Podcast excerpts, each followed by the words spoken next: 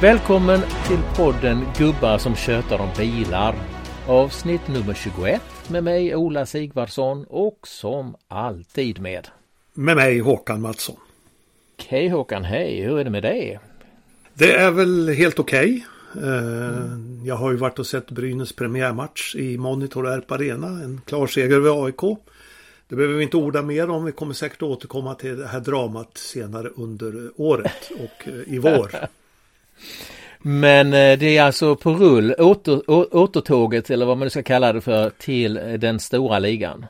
Ja, det är ju, men det blir ju tufft. Det är ju en, det är ju en ganska bra serie eh, det här och den är ju, jag tror att, att publiken börjar också upptäcka att det går att gå och titta på Hockeyallsvenskan också, inte bara gå på SHL. Jo, så är det säkert. När sådana publikmagneter som Brynäs befinner sig i ligan. Ja.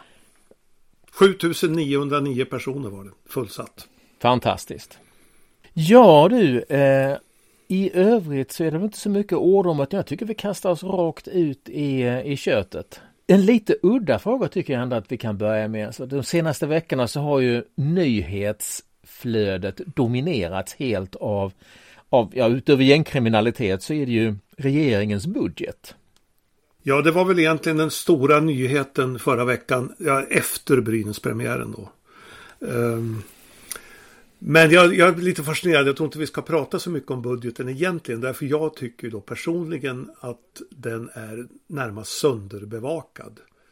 Uh, förr i tiden var det ju så att budgeten var en nyhet när den kom. I sin helhet. Ingen kände till innehållet. Gunnar Sträng satt i tv och läste upp hur det, hur det nu var. Men vet du hur många pressmeddelanden som regeringen skickat, skickat ut i förväg på den här budgeten? Får jag gissa på 20 kanske? Ja, du är lite mer defensiv än Thomas Ramberg på DN som gissade på 32 i deras podd. Eh, rätt svar är alltså 64. 64 pressmeddelanden i förväg. Och då blir det ju inte så spännande när den eh, sen läggs. Och ändå så var det liksom Det var massor med radiosändningar, det var eh, media, tidningsbevakning, artiklar, analyser. Trots att det mesta var känt. Jag, kände, jag tycker den var sönderbevakad. Men eh, är det inte så att det där är en ganska smart sak att göra? Alltså att, att, att bränna av bomben på en enda gång, liksom, då får man väl ändå inte den där impacten som de ändå söker efter som deras eh, olika marknadsförare har tänkt ut. Nej men så här gör ju alla nu. Jag menar ta Volvo en, en, en, en lansering av en ny modell. Det skvättas ju ut saker. Pressmeddelanden om små komponenter eller egenheter. Mm. Eh, I långt i förväg och det kommer någon teaserbild och det kommer sen någon riktig bild och så kommer det fler bilder. Så det där det är ju liksom det trick man använder och så är det säkert. Jag menar det är så mycket nytt egentligen i en budget. Så att det går ju inte att, att liksom smälta det på en dag. Nej, men det är en liten detalj i denna eh, jättelunta som du har fastnat för, eller hur? Ja, jag tycker att har man inte nått liksom misslyckandets yttersta gräns när man som regering presenterar en sänkning av bränsleskatterna med 5,6 miljarder och det sågas av bilbranschen. Varför då? då? Ja, vd Mattias Bergman säger ju att som helhet vänder vi oss mot det stora fokuset på att sänka drivmedelsskatter. Vi behöver öka takten för att nå klimatmålen, säger alltså bilbranschen. Det skulle ju inte ha hänt för 30-40 år sedan kan jag säga. Nej, det är häpnadsväckande. Men du, det, det, finns ju faktiskt en intressant parallell alldeles nu i dagarna ifrån Storbritannien. Eh, där har ju man beslutat att man ska sluta att sälja bensin och dieselbilar från 2030. Men häromdagen så gick eh, premiärministern Rishi Sunak ut och sa att ah, vi flyttar fram det där till 2035. Och vem rasade mot det? Bilindustrin ja. och deras företrädare. Som sa att vi vill ha säkra spelregler, vi vill veta vad som gäller för att kunna komma vidare i den här övergången. Ja, Ja, men man, ja, alltså om man ska lite seriöst nu så kan man ju förstå bilbranschen. För att om de får ett budskap att nu ska eh, vi har de här klimatmålen när vi ska fasa ut bensin eller fossilbilar. Då tar ju de beslut om enorma investeringar i elektrifiering till exempel. Och sen kommer någon och säger nej, vi skippar det där, det var inte så noga. det är klart att då, då blir de irriterade för att då, då vet man ju inte riktigt hur de här investeringarna kommer att slå ut. Eller mm. falla ut kanske det heter. Mm, precis. Ah, ja. Sunak han gjorde i alla fall sitt utspel om av omsorg om de fattiga eh, britterna att de inte skulle ha råd att köpa dessa nya fina elbilar. På tal om elbilar. Vi kanske ska gå vidare till eh, ja, ett ämne som upptar oss ständigt och jämt, nämligen kineserna. Vi har ju pratat ju senast om att eh, om den här väldiga mängden av nya märken och varumärken och modeller som riskerar att svepa in över Europa. Och jag tror att det finns skäl att göra ett litet tillrättaläggande.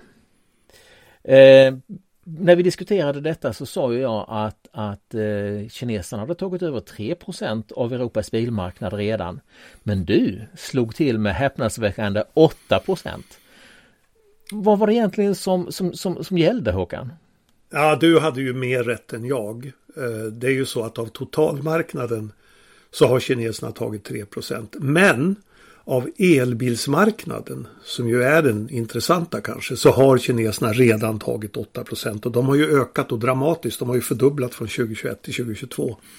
Och då kommer det öka igen. Men jag, 3% är väl mer rätt. Men jag tycker lite rätt hade vi båda två ändå. Ja, det tycker jag också absolut att vi kan bjuda varandra på. Men du, eh, sen vi pratades vid sist så har ju också EU-kommissionens ordförande Ursula von der Leyen gjort ett utspel. Hon vill utreda om man ska införa importtullar, alltså starkare importtullar på kinesiska bilar. Hon har fått fram två skäl. Dels att europeiska bilar som förs in i Kina har en tull där på 25% medan kinesiska bilar i Europa bara alltså, belastas med 10% och det andra är att staten i Kina subventionerar sin bilindustri på ett sätt som slår ut konkurrensen. Vad ska man tro om detta? Är det ett handelskrig på gång? Eh, jag tror inte det. Eh, det känns ju i och för sig rätt naturligt att européerna eller Europa vill på något sätt bromsa den här invasionen. För jag tror definitivt att det är så att det finns dolda subventioner i den kinesiska biltillverkningen. Att de har lägre kostnader, de har tillgång till råvarorna, till batterierna och så vidare som vi varit inne på förut. Men också som vi pratade om i förra podden, de tyska biltillverkarna är ju inte så hemskt intresserade av att att det, här, att det införs tullar i Europa. För dem, för de är ju Kina kanske den största marknaden. Jag tror det är det för Audi till exempel. Så för att Audi, BMW och Mercedes ska hålla sin affär uppe så måste de kunna sälja bilar i Kina. Och skulle det då bli ett handelskrig så kineserna börjar bromsa ännu mer på sitt håll, då står det väldigt hårt mot den tyska bilindustrin. Den franska och italienska bilindustrin, Stellantis och, och Renault, de har ju varit mer högljudda, men även Renault tror jag har backat. Men Stellantis att vi måste bromsa och politiker i, i Frankrike, Italien säger att vi måste bromsa. Men jag tror det blir tufft att genomföra av det här skälet att den tyska bilindustrin kan, kan eh, gå på pumpen rejält då. Men vad har det för betydelse att det ju trots allt finns europeiska och amerikanska tillverkare som tillverkar i Kina? Alltså vad har det för inverkan på, på ett eventuellt eh, handels, handelshinder? Ja, men det, det, är ju risk att den affären också stopp eller bromsas på något sätt. Det kan skadas, att de bryter. För nu har ju kineserna lärt sig så mycket av västtillverkarna. Det var ju det som var poängen med de här samarbetena med fabriker i Kina. Men nu kan de ju själva. Så de behöver ju inte den här hjälpen egentligen längre från västtillverkare. Men nu har ju Ursula von der Leyen inte aviserat ett beslut utan hon har ju trots allt aviserat en utredning som ska pågå något år eller så. Eh, tror du att det här är ett sätt att försöka komma undan det hela, alltså en liten fint från hennes sida? Ja, kanske. Vi bara återvända till tyskarna. Mercedes svenske vd Ola Källenius sa ju att vi måste upprätthålla frihandeln. Det var ju ett tydligt budskap tillbaka till Ursula von der Leyen.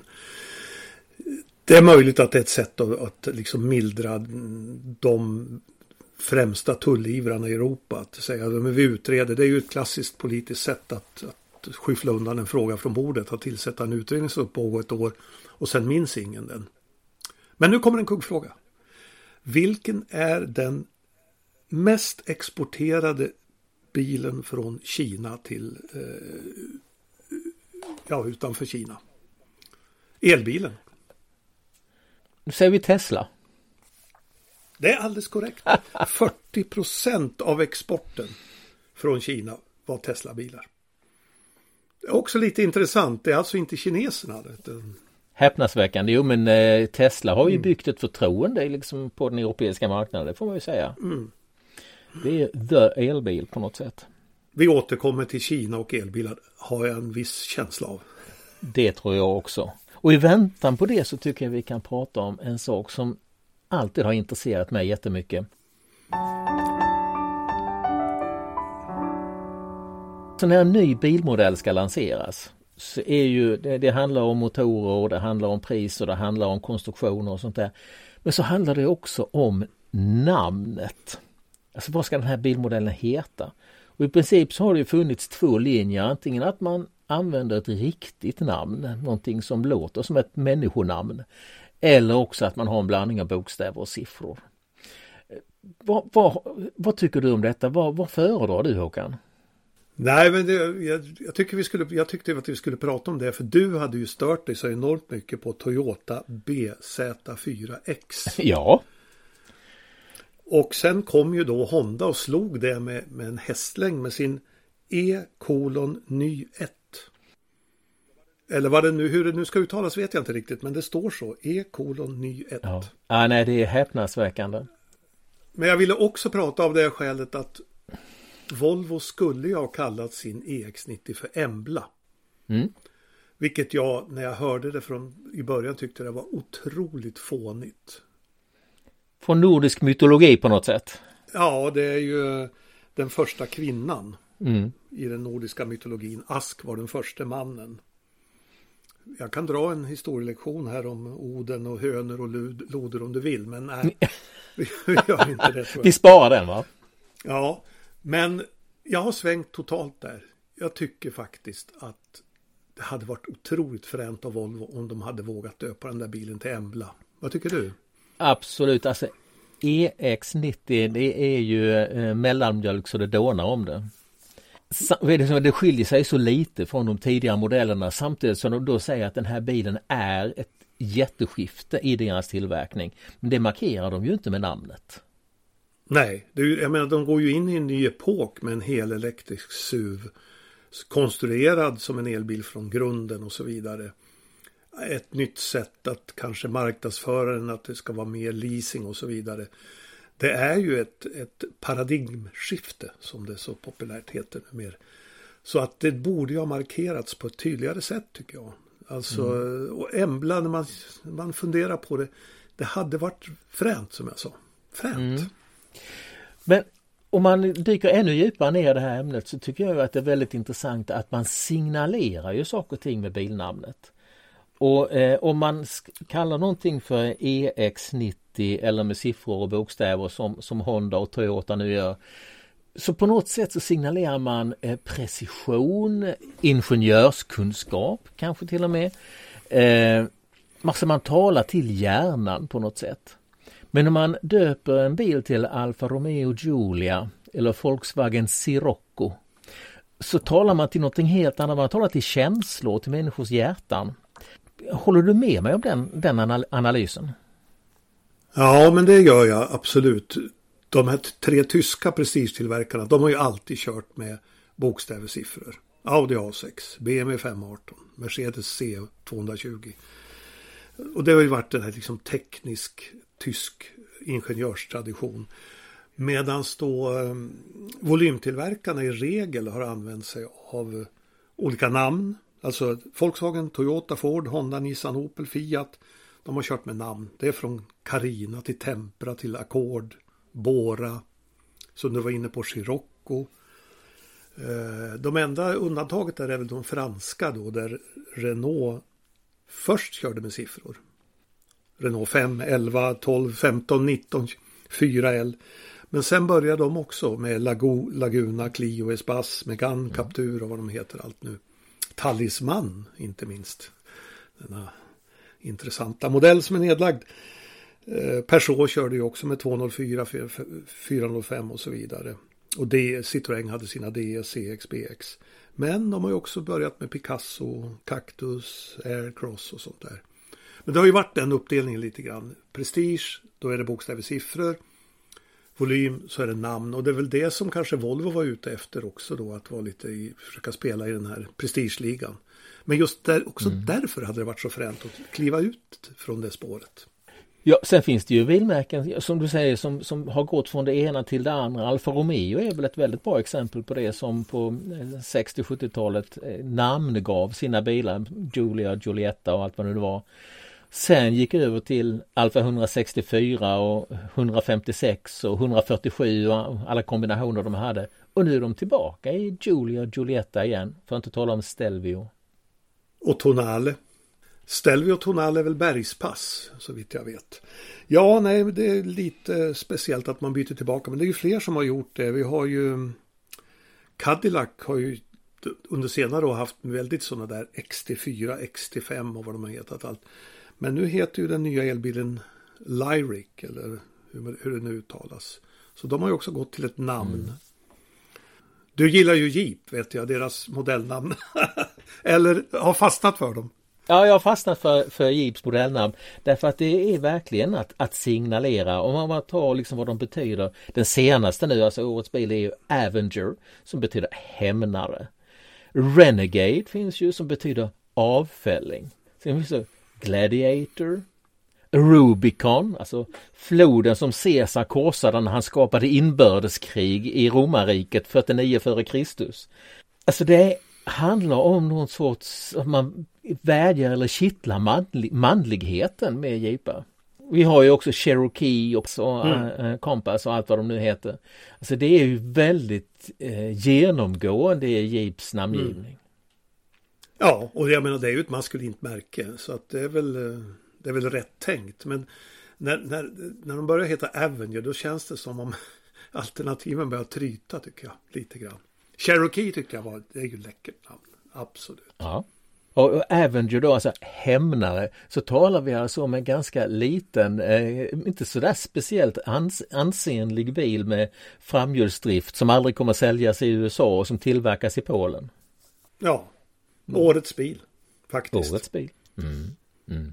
Vi får hoppas att juryn som jag nu inte längre är president för inte gör om samma misstag med dem. De är ju provkörda just nu när vi pratar om det här. Finns det några, favorit, finns det några favoriter redan? Ja, alltså det är väl för att dra tre så tror jag BMW i5, Kia EV9 och Fisker Ocean. Det vore ju ett udda val, verkligen. Ja, ja, det är också lite tveksamt just av det skälet. Frågan är hur många det kommer att säljas och sådär. Det, mm. det blir ju en, en udda bil. i5 är ju, men den känns ju väldigt traditionell liksom till sin, förutom att det är en elbil till sin liksom, utformning, design och så vidare. Mm. Ja, jag sätter nog en peng på den ändå. Jag tror att den ligger bra till. Ja, den lär vara, BMW är ju, gör ju bra bilar. Och de vann Absolut. ju aldrig med i3 som de kanske borde ha gjort. Precis. Jo men du tillbaka men du, till namnen ja. där. Det, vi, måste, vi, får, mm. vi, måste, vi får inte glömma de här ekivoka exemplen. Tycker jag. Oho, vad har du då samlat på dig? Ja, Mitsubishi Pajero till exempel. Den heter ju det. Men det är ju så på spanska om man säger Pajero så jag vet inte hur detaljerad man får vara här men det, det betyder ju en man som så att säga tillfredsställer sig själv. Jaha. Jag, jag tror det var en, en hästsort. Wanker som de säger i USA. Men det finns ju värre exempel. Där okay. har vi ju då från slutet på 90-talet har vi ju Masta Laputa. Eh, visserligen är det ihopskrivet på bilen men alltså Laputa betyder ju hora. Ja, det gör det ju. Vill man ha en sån bil? Eller? Det är synnerligen tveksamt. Och så har vi det värsta exemplet. Som ju i och för sig aldrig nådde marknaden, men det var ju planerat i alla fall. Och det var ju Hondas nya modell som kom 2001. Och som ju skulle heta, ja jag säger det rakt ut Ola. Kör hårt. Fitta. Redan, ja det var, alltså det var ju, det här var ju omskrivet på sin tid för att de hade ju skickat ut pressmaterial till journalisterna i Japan redan innan. Och där stod det så här. Honda Fitta är, en li, är liten på utsidan men stor när du väl kommit in. ja, det är underbart. Underbart. De hann ju stoppa detta så i Japan hette den här bilen Fit. Mm -hmm. Och här i Europa så hette den Jazz. Okej, okay. okay. Ja, det är fantastiskt. Man tycker ju att de borde kunna ha googlat redan eller gjort någonting redan på den tiden ja, för att ta reda på. Jag tänkte det. Det fanns ju nät redan liksom slutet på 90-talet. en enkel googling hade väl visat att ja, det där namnet kanske inte är det bästa. Men, eh, men det här är spännande med modellnamn. Nu ska vi se hur det utvecklas faktiskt. Om, om det är någon som vågar göra det här Volvo-tricket nu. Kliva ut ifrån huvudfåran. Mm. Det vore väldigt spännande.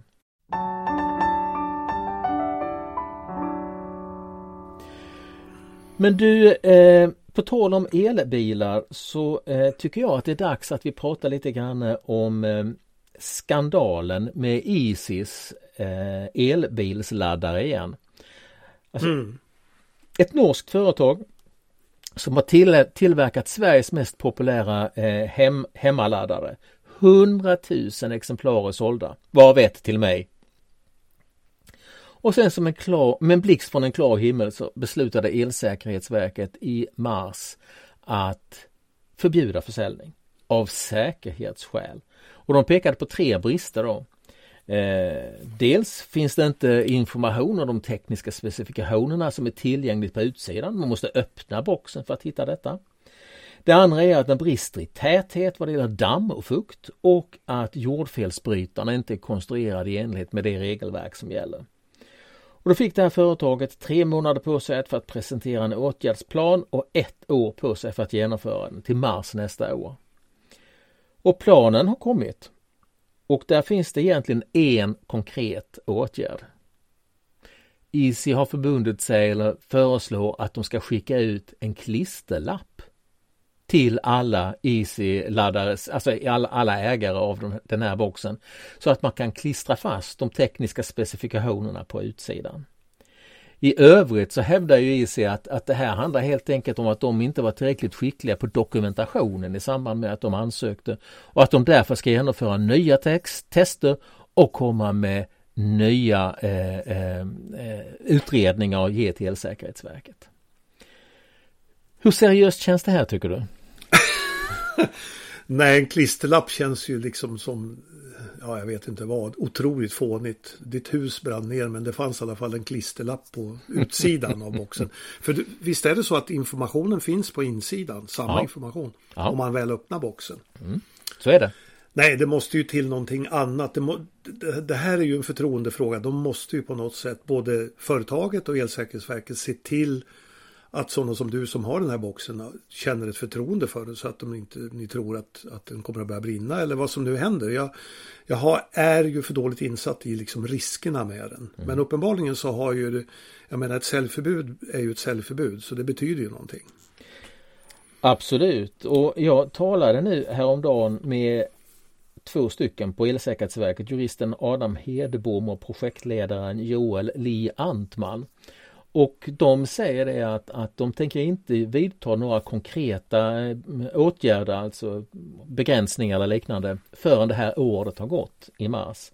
Och då ska de utvärdera de åtgärder som IC har vidtagit och eh, antingen släppa fram, eh, säga att det är okej okay nu då, eller också kanske vidta andra åtgärder.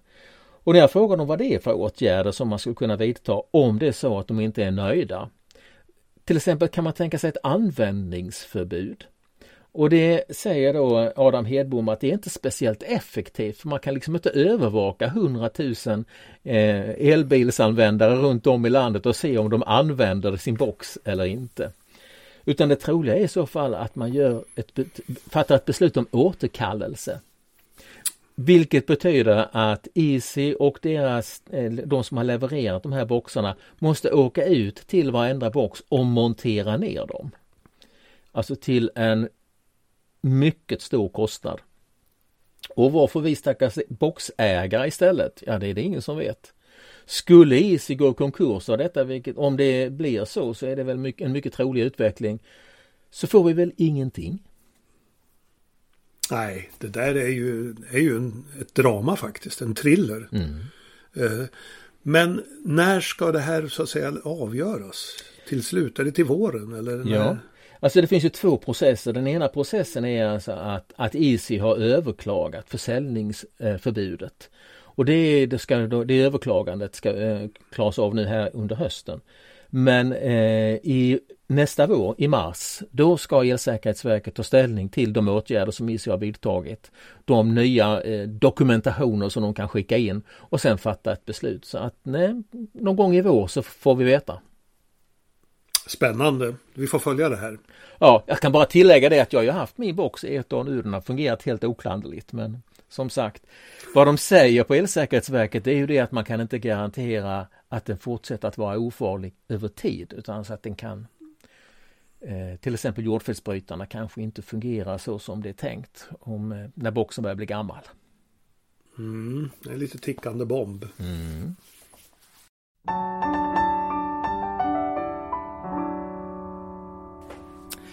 Men du, eh, det här med att ladda bilar. ja, jag har ju fascinerat mig lite grann över, eh, vet jag är ju så, jag är så intresserad av moraliska, etiska frågor. Så då har jag två saker jag tänker när man kommer till en publikladdare och det är kö. Eller det, stå, det står bilar där. Det är den första frågan jag har. Hur organiserar man den kön? Därför att ibland står ju bilar lite huller om buller. Vi har sex laddare här och så står det en massa elbilar utanför och väntar. Eh, hur ska man kunna veta vems tur det är och så vidare. En gång när jag kom till Ionity i Gävle, Hagaström. Så insåg jag att det här kommer ju inte att gå. Så det kom, jag såg det kom en kille bakom mig. Så att jag... ibland är jag bara hemsk känner jag nu. Så jag gick ur och så gick jag bort till honom och sa Hörru du, du kom väl efter mig va? Ja, ja, sa han. Ja visst, då är du efter mig. Och så gick jag bort till de andra och sa Vem kom först av er? Ja, det var nog han där. Ja, bra, då är du efter dem och så är jag efter dig. Och så är du han och så han där. Då är du först, sa jag. Och så gick jag och satte mig i bilen. Ett rådigt ingripande. Men du Håkan. Själens furir som en diktsamling hette en gång. Men jag menar, vad du då förespråkar det är ju en gemensam kö även om det finns sex olika laddstationer. Ja, för att om, nu var det ju, vi var ju bara kanske 6-7 bilar som stod där. Men jag menar, om det skulle bli väldigt många, hur, hur organiserar man det? Man skulle väl nästan ha som på bilprovning, att det plingar upp en eh, siffra att nu är det dags för det, det registreringsnumret och så vidare. Samtidigt är det också så här att om man tittar på andra liknande omständigheter, till exempel när man ska köra ombord på en färja och kommer fram till kassakön eller om man ska åka igenom en vägtull i södra Europa eller någonting. Då får man ju själv välja vilka fem, sex olika portar som man vill köra fram till. Skulle man inte kunna tänka sig att, att den friheten också fanns på laddstationer?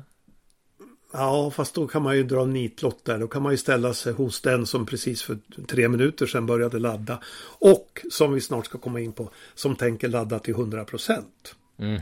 För då kommer det att ta tid. Det är egentligen min andra moralisk-etiska fråga. Eh, ska man ladda mer än 80 procent? Om det, givetvis om det är kö på laddstationen. Jag stötte på en kille för flera år sedan när jag skulle ladda min BMW i3 då. Och han stod vid eh, laddare. Och jag gick bort och pratade med honom och sa, du, har du mycket tid kvar? Så jag, nej men jag laddar, vet, jag laddar till 80 procent bara, sen åker jag. För det, det är så vi gör, vi elbilsägare, sa han. Och jag visste inte att det fanns en sån hedersregel. Men den är ju inte så dum därför att det tar ju mycket snabbare att ladda från 0 till 80 än från 80 till 100 procent. Men frågan är, finns det en sån regel eller finns det inte? Hur gör du? Så min bil talar inte riktigt om för mig när den har passerat 80 procent, alltså min i3. Så ah. att jag kan inte riktigt svara för det. Eh, de allra flesta gånger så har det faktiskt varit så att jag har hittat laddare där jag kunnat stå ostörd. Alltså på någon, på någon McDonalds mm. eller en bensinmack eller något sånt där, att det inte har varit kö. Så att jag är lite osäker på frågan men jag lutar väl åt att man ska, om det är så att laddningen går långsammare efter 80 då är det väl rimligt att man släpper fram de som står efter. Ja, jag tycker det. Ja, det finns ju till och med de som har gjort kalkyler att man tidsmässigt tjänar på att bryta vid 80 och så stanna en gång till och ladda. Därför att för att få de där sista 20 procenten får du stå så länge att du ändå tappar en massa tid. För det är ju tiden man är ute efter. Så då skulle det alltså kunna finnas även ett egenintresse av att släppa laddaren vid 80 procent? Ja, inte bara Håkan Mattssons moraliska spö som, som viner över de stackars elbilsägarna. Men det finns ju spärrar då. Jag, jag läste om ett elföretag som heter Eveny eller något sånt här. Bilkraft heter de också. Det är ett norskt bolag baserat i Bergen. Som tydligen bygger upp ett samarbete nu med ICA. Jag har faktiskt aldrig sett dem ute på längs vägarna men det, det kommer vi säkert att se. De tar då en krona extra för varje kilowattimme man laddar över 80 procent. Så att där finns det ju en ekonomisk spärr då att ska man ha dem där, ja då får du betala extra för och de kostar redan 5,49 att ladda. Så att då är du uppe på 6,49 på de sista 20 procenten. Per ja men det stödjer, ju, det stödjer ju tanken att vi bör styra utvecklingen dit här. Mm. Sen har vi ju Tesla. De har ju ett sorts inrikessystem så att de ser ju hur det ser ut på laddstationerna och hur, hur mycket bilarna är laddade. Så de har ju en trängselavgift. Hur funkar den? Jo, om man står eh, för länge, det vill säga varje extra minut där man är ansluten till supercharger om bilen är laddad så kostar det 5 kronor. Om den här stationen är 50% full. Alltså det vill säga om varannan, varannan laddare är, är upptagen och du står kvar fast du är fulladdad. Då kostar det dig 5 kronor minuten. Och är det så att, det, att hela laddstationen är full då kostar det dig 10 kronor minuten. Så det blir ju väldigt, väldigt dyrt. Och de har inget tak. Så att om du sitter i godan ro och fikar där så tickar de här 10 kronorna per minut. Ja, jag tycker nog på något sätt att det är en ganska, det är en ganska rimlig lösning. De, de är alltså inte fokuserade på 80 procent utan de är fokuserade på att få rotation eh, ja. på stationerna när det är fulladdat. Ja, jag tycker det är helt rimligt faktiskt. Mm. För i och med att vi fortfarande har batterier som kräver ganska lång laddtid, även de bästa gör ju det, så måste vi få rotation, omsättning så att folk får komma fram och ladda. Mm. Då ska man inte, men jag såg i forum just där 80 till 20, det är ja men jag ska köra till Norrland, jag ska minsann ha mina 100 procent annars så kommer jag inte, kommer jag inte gå med på att bryta vid 80. Ja, det kanske finns undantagssituationer också men jag tycker nog eh, man kan säga att, att, att vi eh, vi skickar ut budskapet. 80 procent, sen är det nog. Men vi måste prata om något roligare. Typ drömbilar, eller? Ja, det kan vi göra. Vilka bilar, dröm, vilka bilar drömmer vi om? Så att jag tänkte på här. Vilka, vilken bil drömmer du om att du skulle kunna skaffa nu? Mm. Som finns till salu nu. Alltså inte någon sån här då. Eh, liksom någon gammal måsvinge Merca eller något sånt där. Utan nu. Det säljs på marknaden mm. nu. Vilken, vilken skulle du verkligen vilja ha? Ja, alltså eh, eh, det måste ju vara en elbil. Jag, jag skulle nog inte kunna tänka mig att köpa någonting annat än, än det just nu. Eller numera. Och eh, en som jag liksom går och sneglar på då, eh, kanske då påverkad av min i3 det är ju att jag tycker ju att SUVen BMW iX ser mm, ganska spännande ut. Den är jag lite sugen på. Men den är ju ganska dyr. 1, någonting. Mm. Ja, jag är inte så förtjust i designen på den där. Framförallt C-stolpen och bakrutan där längst bak, sidobakrutan längst bak. Jag tycker mm. Ja, ser lite konstig ut. Men då får jag, ska jag slänga in en fossilbil då? Ja, det får du göra. Som jag har sittit, suttit och suktat och tittat på här nu. Alltså en Ferrari Roma, det är nog min drömbil. Och då är det frågan, ska jag ha kupén eller ska jag ha Spidern? Kanske Spidern. Det är ju första gången sedan 1969 som en Ferrari med frontmotor har tygtak. Det kan ju också vara lite, man avhåller, men förut fanns ju de här California och Portofino med plåttak. Men den där Ferrari Roma. Men kupéns kap, taklinje där är ju helt fantastisk. Det är helt, den kan man sitta och titta på och njuta på. Och så, och så föreställer man sig ljudet från den här 3,9 liters V8 på 620 hästar. Hur den liksom brummar igång. Eh, och man behöver inte tänka på hur man ska ladda utan man bara åker och tankar. jo, ja, men eh, jag, jag, förstår tjusningen i det. Men man kan ju säga då att då har ju du och jag valt väldigt olika vägar i det här drömbilsscenariot. Medan jag ja. tittade på eh, vanliga folkbilar så har du farit ut i stratosfären. Ja, jag menar det är naturligtvis bara en dröm och det kommer ju aldrig bli verklighet därför att jag har inte tre miljoner över. Så att, och jag, jag håller med om, om jag verkligen kom till ett beslut att skulle jag verkligen köpa något annat än en elbil då ändå? Eh, troligen inte. Troligen inte. Mm. För att just har man en gång fått jungfrusilen med en elbil så är det otroligt svårt att köra något annat. Eh, det är en njutning med, med elmotor. Just elmotorn. Jag håller helt med dig om det. Men du, med dessa kloka ord ska vi ta och avrunda eh, dagens avsnitt. Du som vill kontakta oss med tips eller idéer eller synpunkter kan göra det på gmail.com. Dit är ni alla välkomna. Ja Håkan, eh, tack för idag. Tack för idag.